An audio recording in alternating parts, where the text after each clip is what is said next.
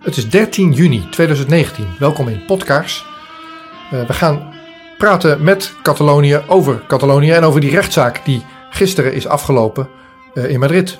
De rechtszaak tegen Catalanen die betrokken waren bij uh, het onafhankelijkheidsreferendum van 1 oktober 2017. Nou, die rechtszaak is nu afgelopen. Ze verwachten de uitspraak over een paar maanden. Hoe wordt daar ja, in Catalonië tegen aangekeken? Voordat Gerber zijn verslag doet, laat hij eh, ons kijken naar, uh, door zijn raam naar buiten toe, naar het gerechtsgebouw aan de andere kant van de straat. En hij zegt, kijk, zie je die politieauto daar? Die patrouilleert daar, of die staat daar, net zoals voor elk gerechtsgebouw uh, in Catalonië, om te zorgen dat daar geen uh, protesten plaatsvinden. Een politieauto staan? Ja. Ja? En daar verderop zie je een deur met daarboven gele gele strikken. Ja. Ja? Ja, ik zie het. ik geloof dat het een, een orde was, een bevel vanuit Madrid, dat voor iedere deur van een rechtbank in Catalonië, in ieder dorp, moet er permanent een Catalaanse politie, Mossos de Squadra, de wacht houden, dat die deuren niet opnieuw worden besmeerd. Dus we hebben in onze regio, in onze comarca, misschien vijf politieagenten, vijf politiepatrouilles. En één daarvan staat nu drie maanden lang, dat doen ze om de beurt, om het uur wisselen, wisselen ze. Ja. Um, staan hier onder mijn deur, hier beneden, om uh, de wacht te houden. Zodat er niemand met een pot verf aankomt. Precies. Dat is onwerkelijk, toch? Dat is heel onmerkelijk, ja. Ze hebben nu um, een maand geleden, dus ze staan er hier nou nou, 2,5, 3 maanden. Maar gisteren vertelden ze me dat ze blijven tot aan uh, wanneer um, het oordeel uh, wordt gepubliceerd. Okay. En dat is over een uh, anderhalf, twee maanden. Men verwacht september, oktober of zo. Dat dan de, het Hoge Rechtshof een oordeel zullen vellen, met een oordeel zullen komen. Ja. En tot dat moment zullen ze in ieder geval hier blijven staan. Oké, okay. Oké, okay, um, uh, Gerbert van der Graaf. Um, wij spraken elkaar ja. een jaar geleden. Nou, zoiets, 14 september vorig jaar. Want we waren elkaar tegengekomen op de Diade in Barcelona. En uh, je was toen in die podcast en legde uit hoe dat ging met, met het referendum zelf in Catalonië. Uh, 1 oktober 2017. dat is al veel lang geleden uit herinnering. En, um, en afgelopen uh, februari is de rechtszaak begonnen. Ja, en, dat uh, klopt. Nou, ik weet, ik zit daarin. In Nederland is een groep ne nou, Nederlanders en Catalanen die dat nauw volgt. En jij doet dat ook vanuit Catalonië. En ik heb je gevraagd, wil je vertellen, nu die rechtszaak is gestopt, wat er is gebeurd sinds 12 september tot nu en bij jou in de straat? Leuk, um, dat, leuk dat je er bent. Ja, dankjewel. Graag gedaan. Um, nou, hier in de straat, um, de mensen onderling praten erover iedere dag. Het is het, uh, het onderwerp van de dag. Op de, op de radio en uh, in de kranten, tenminste die ik volg, um, wordt, er, wordt er nou bijna over niets anders gesproken dan dat. Ook wel over andere dingen uiteraard. Um, de straten hangen nog steeds vol met uh, gele linten op de relingen van de brug en zo en aan de balkons van, van de mensen. En um, ja, de mensen die uh, beleven het allemaal heel erg intens. De rechtszaak wordt ook, werd ook uh, live uitgezonden. Ja. En uh, dus het kwam niet alleen in de nieuwsbulletins. Mensen hadden ook op hun radio tijdens hun werk constant de zender aan. dus men kon constant het hele proces volgen. Was het live in Catalonië of ook in Spanje?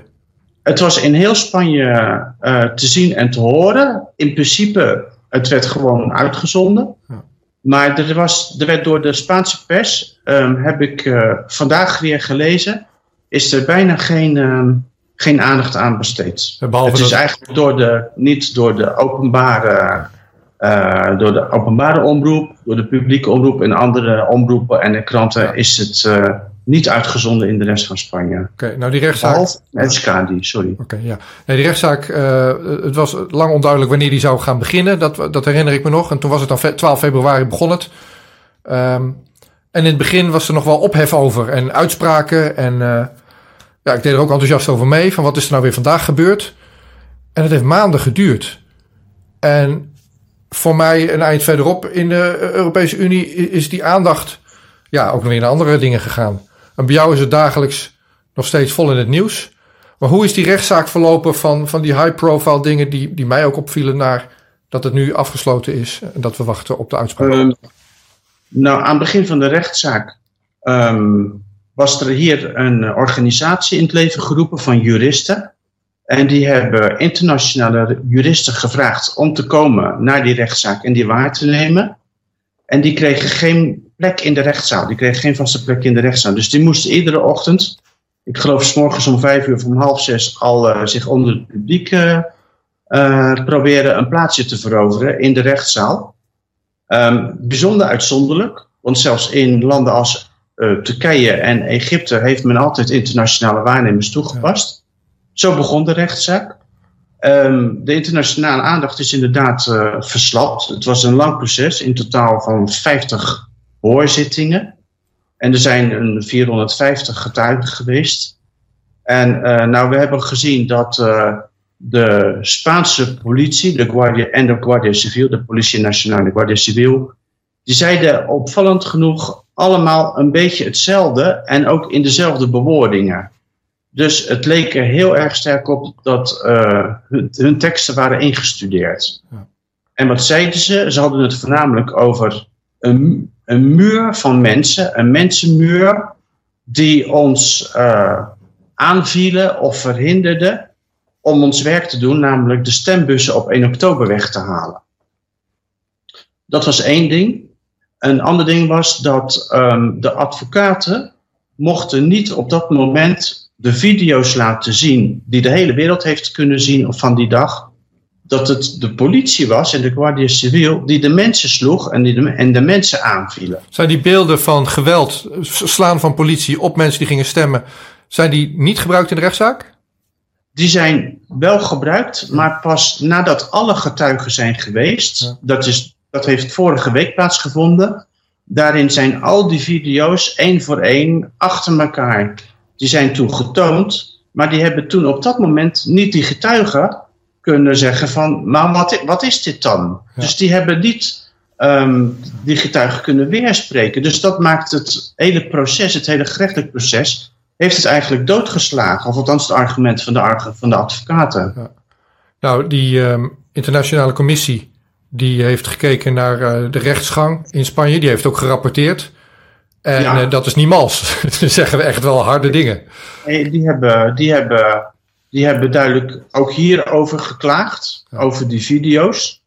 Um, ook dat de advocaten um, vaak niet mochten vragen aan uh, hun getuigen, de getuigen die zij hadden um, voorgedragen, van hoe ervoer je dat? Dan werden de advocaten gewoon continu onderbroken door uh, rechter Marchena, dat was uh, de voorzitter van de rechtbank, van uh, de informatie, de gevoelens van de getuigen is niet relevant voor, voor het gerechtshof. Ja. Terwijl de politieagenten en andere getuigen die door de, door de aanklagers werden voorgedragen, die werden breed uit, kregen breed uit de gelegenheid om te zeggen van ja, wij waren bang. Wij werden, dat was een angstig gevoel om al die mensen die ons uitriepen en zo, ja. om, dat, uh, om dat mee te maken en zo. Ja. ja, ik herinner me ook een voorbeeld van het enige geweld wat er dan geweest was, was dat iemand een pakje melk op een politieauto gegooid had, geloof ik. Dat was het ja, dan? ik geloof bijvoorbeeld op de protestdag van 20 september voor economische zaken zijn er drie of vier flesjes water plastic flesjes water van 500 milliliter. Of van, nee, die zijn 100 milliliter water. Ja. Dat is, en dan, en dan de, de, de, de, de, de, aanklagers, die noemen dat projectielen. Er werden projectielen ja, naar okay. de politie gebruikt. Oké, okay. wat is de, want dit is het dagelijks onderwerp van gesprek nog steeds in uh, waar jij woont. Overigens, jij woont niet in ja. Barcelona, maar in de... Ja, ik, ik woon in het, in, het, in het centrum van Catalonië. Ja, en uh, wordt daarop Oké, okay, de vraag die ik wil stellen is: wat is het gevoel onder de mensen naar die uitslag toe? Dus wat verwacht je um, De mensen zijn en ikzelf ook, ontzettend verontwaardigd. Na drie maanden van 50 hoorzittingen van een rechtszaak, waarin bijvoorbeeld geen bonnetje of geen enkele factuur is aangetoond dat uh, de politici overheidsgeld hebben misbruikt voor, uh, voor het organiseren en het houden van het referendum. De aanklager heeft na al die maanden zijn aanklacht gewoon volgehouden zoals die aan het begin of vooraf aan de rechtszaak uh, heeft gezegd, dat er 5 miljoen euro is verkwanseld aan, uh, aan deze rechtszaak. Nou, je, en de aan, de, aan, de referendum bedoel je? Voor het referendum, ja. En de, en, en, en, en, de, en de, de, de, politici en de mensen die dus uh, terecht staan, die moeten dat geld nu ophoesten als borg Anders wordt of hun huis of hun bankrekeningen in beslag genomen.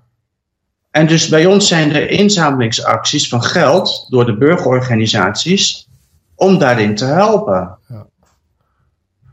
Die uitslag wordt verwacht over twee maanden ongeveer? Drie maanden? Ja, men verwacht in september, oktober ongeveer. Nou, 11 september is er altijd een dingetje in Catalonië. Ja, dat is de nationale nou, feestdag. Het is een feestdag. Ja, protestdag. Ja. Dat herinnerd wordt dat um, Catalonië, Barcelona viel in het jaar 1714 door koning Philip V van Bourbon. Dus dat is de, de achter, de voorganger van de huidige koning, van de huidige Spaanse Maar het lijkt er dus op dat die uitslag rond die datum gaat vallen, of niet? Uh, ja, of daarna. Oh Kijk, ze nemen er de tijd voor. Men is hier toch wel in het algemeen aardig van overtuigd dat men al weet wat het oordeel zal worden. Maar men wil gewoon, de rechtbank wil gewoon de schijn ophouden dat het hele oordeel nog uh, geschreven moet worden. En ze zullen daar dus ruimschoots, ruim de tijd voor nemen. Op 11 september in Barcelona waren er uh, mensenrechtenadvocaten, advocaten van de, mens, van de Catalanen die nu dat, in dat proces zitten. Uh, ben Emerson en uh, hoe heet die? Ja? Amar, Precies. En die zeiden daar in het groot aan, tegen die miljoen Catalanen van dit is de laatste diada dat, dat we nog een gewone protestmars hebben, want, want dit gaat zo niet nog een jaar duren. Wat is er anders, denk je, op de komende 11 september? Of is er iets anders? Nou, we hadden gisteravond in onze plaats een vergadering van de lokale uh, organisatie van het ANC, die ieder jaar um, die uh, manifestatie organiseert. En um, er gaat wel een gewone uh, protestdemonstratie georganiseerd worden. Maar um, de details zijn nog niet bekend. Die zullen een deze dagen of in de komende weken bekend worden gemaakt hier. Maar er gaat wel gewoon wat georganiseerd worden, dat wel. Ja, ja. Oké, in gaandeweg dat proces werd duidelijk dat een aantal van die mensen die uh, ja, zich actief hebben ingezet rondom dat referendum, uh, zoals Puigdemont, uh, verkiesbaar gingen worden voor het Europees Parlement. En er zijn er ook een aantal gekozen. Dat klopt. Hoe ja. ja, vertel. Um, Puigdemont die zit in ballingschap in België. Um, zijn vicepresident uh, Oro Junqueras die zit in de gevangenis. Um, en uh, dat is het hete hangijzer op dit moment. Want tussen nu en maandag moet besloten worden of hij zal worden toegelaten en um, om mee te kunnen doen met het uh, instellen van het Europese parlement. Ja. En um, nou ja, volgens Spanje, volgens de Spaanse, uh, echte Spaan, dus de Spaanse overheid, die zeggen ze moeten eerst uh, trouw zweren aan de Spaanse grondwet. En dat moeten ze in het Spaanse congres in Madrid doen. Dus um, Puigdemont zou naar Madrid moeten komen om trouw te zweren. En dan pas zou hij volgens de versie van de Spaanse politici, uh, zou hij pas um, officieel lid zijn van het Europese parlement. En dan pas zal hij, zou hij um, uh, parlementaire onschendbaarheid genieten. En ja, zodra hij dus hier voet aan, uh, op Spaanse grond zet, dan wordt hij gearresteerd. Nou, in ieder geval, dat is de zorg, ja. ja. Nou, en dus dat is een beetje het hete hangijzer tussen nu en 2 juli. En waarom, waarom, waarom, waarom 2 juli? Wat, wat is het dan? Op 2 juli is uh, het, uh, de eerste parlementaire vergadering in Straatsburg. Oké, nou, ik ben geen advocaat en jij denk ik ook niet, maar zoals ik het begrepen heb, is de Europese Unie zo ingericht dat elke lidstaat een aantal zetels mag leveren aan het Europees Parlement. Dus ja, Spanje heeft een aantal zetels die ze mag invullen. En uh, hoe Spanje dat doet, moet ze vooral zelf weten. Ik geloof dat dat de regels zijn, even niet mijn mening. En dus Spanje moet met een lijstje komen en zeggen: hey, Europees Parlement, deze mensen worden hem.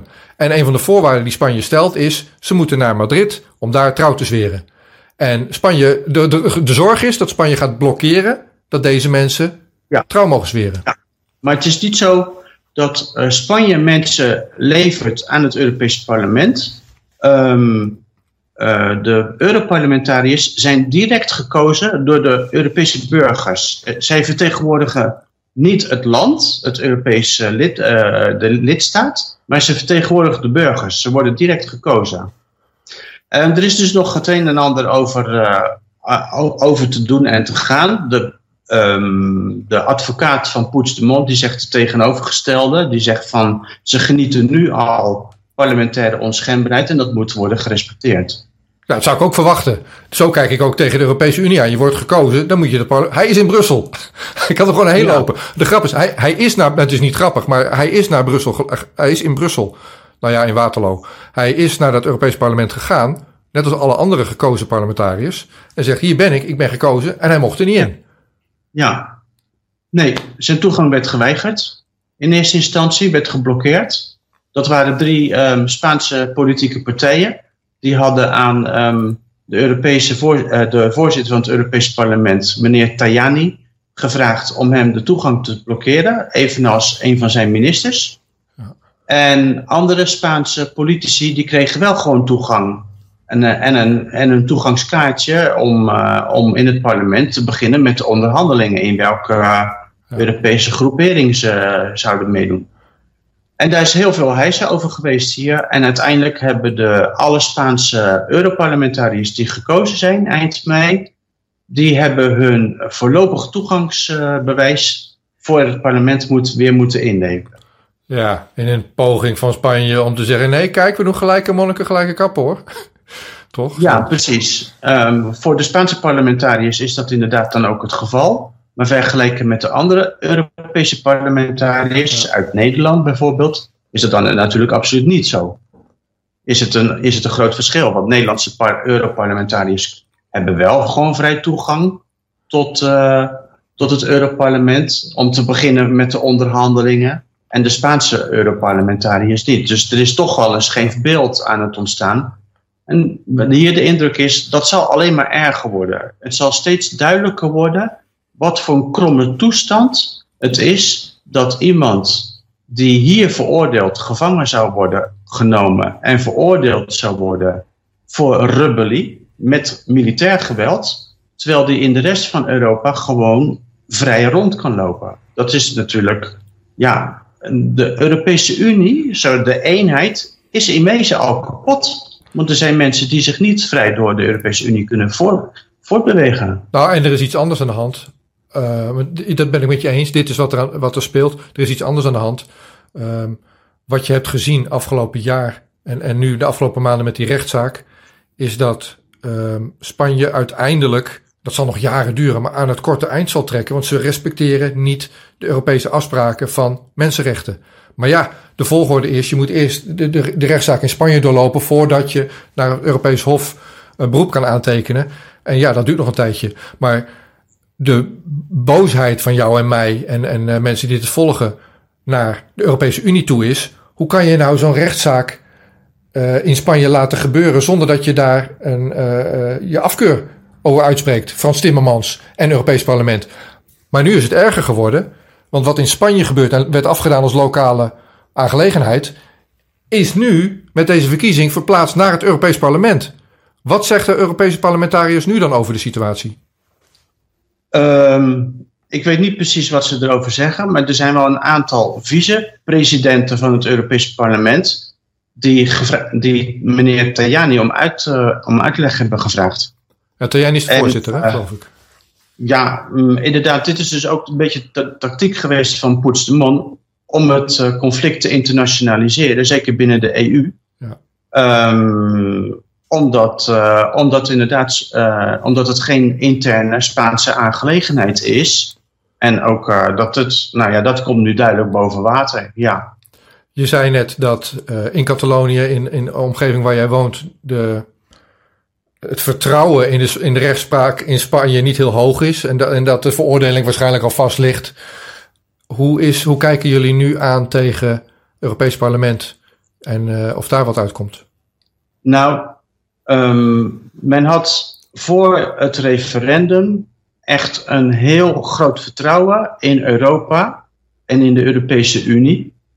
En dat is wel heel erg diep geschaad. Zeker nadat um, de Europese Commissie, uh, onder leiding van uh, meneer Juncker en Timmermans, blijven ontkennen dat het een Spaanse interne aangelegenheid was. En uh, de mensen hier um, ja, werden geslagen omdat ze in de rij stonden voor, voor de stemlokalen. De mensen zijn, veel mensen zijn bijzonder teleurgesteld in de Europese Unie. En ik denk zelfs dat het een omslag, nou niet een omslag, maar wel van we willen misschien wel van de Europese Unie lid worden als ze eenmaal onafhankelijkheid zijn, maar er zal er heel veel binnen de Europese Unie ook moeten gaan veranderen. Catalonië was de trouwste aanhanger van de Europese Unie die ze zich maar kon wensen. En met dit gedoe ja, is dat omgedraaid. Ja, dat klopt. Maar dat, is, dat vertrouwen is geschaad. Men heeft. Uh, men, men uh, kijk, of wij of niet onafhankelijk kunnen worden, dat moeten we hier zelf beslissen en uitmaken. Maar iets anders is dat uh, de, de fundamentele mensenrechten hier continu worden geschonden. Nu ook weer met de laatste verkiezingen in het congres.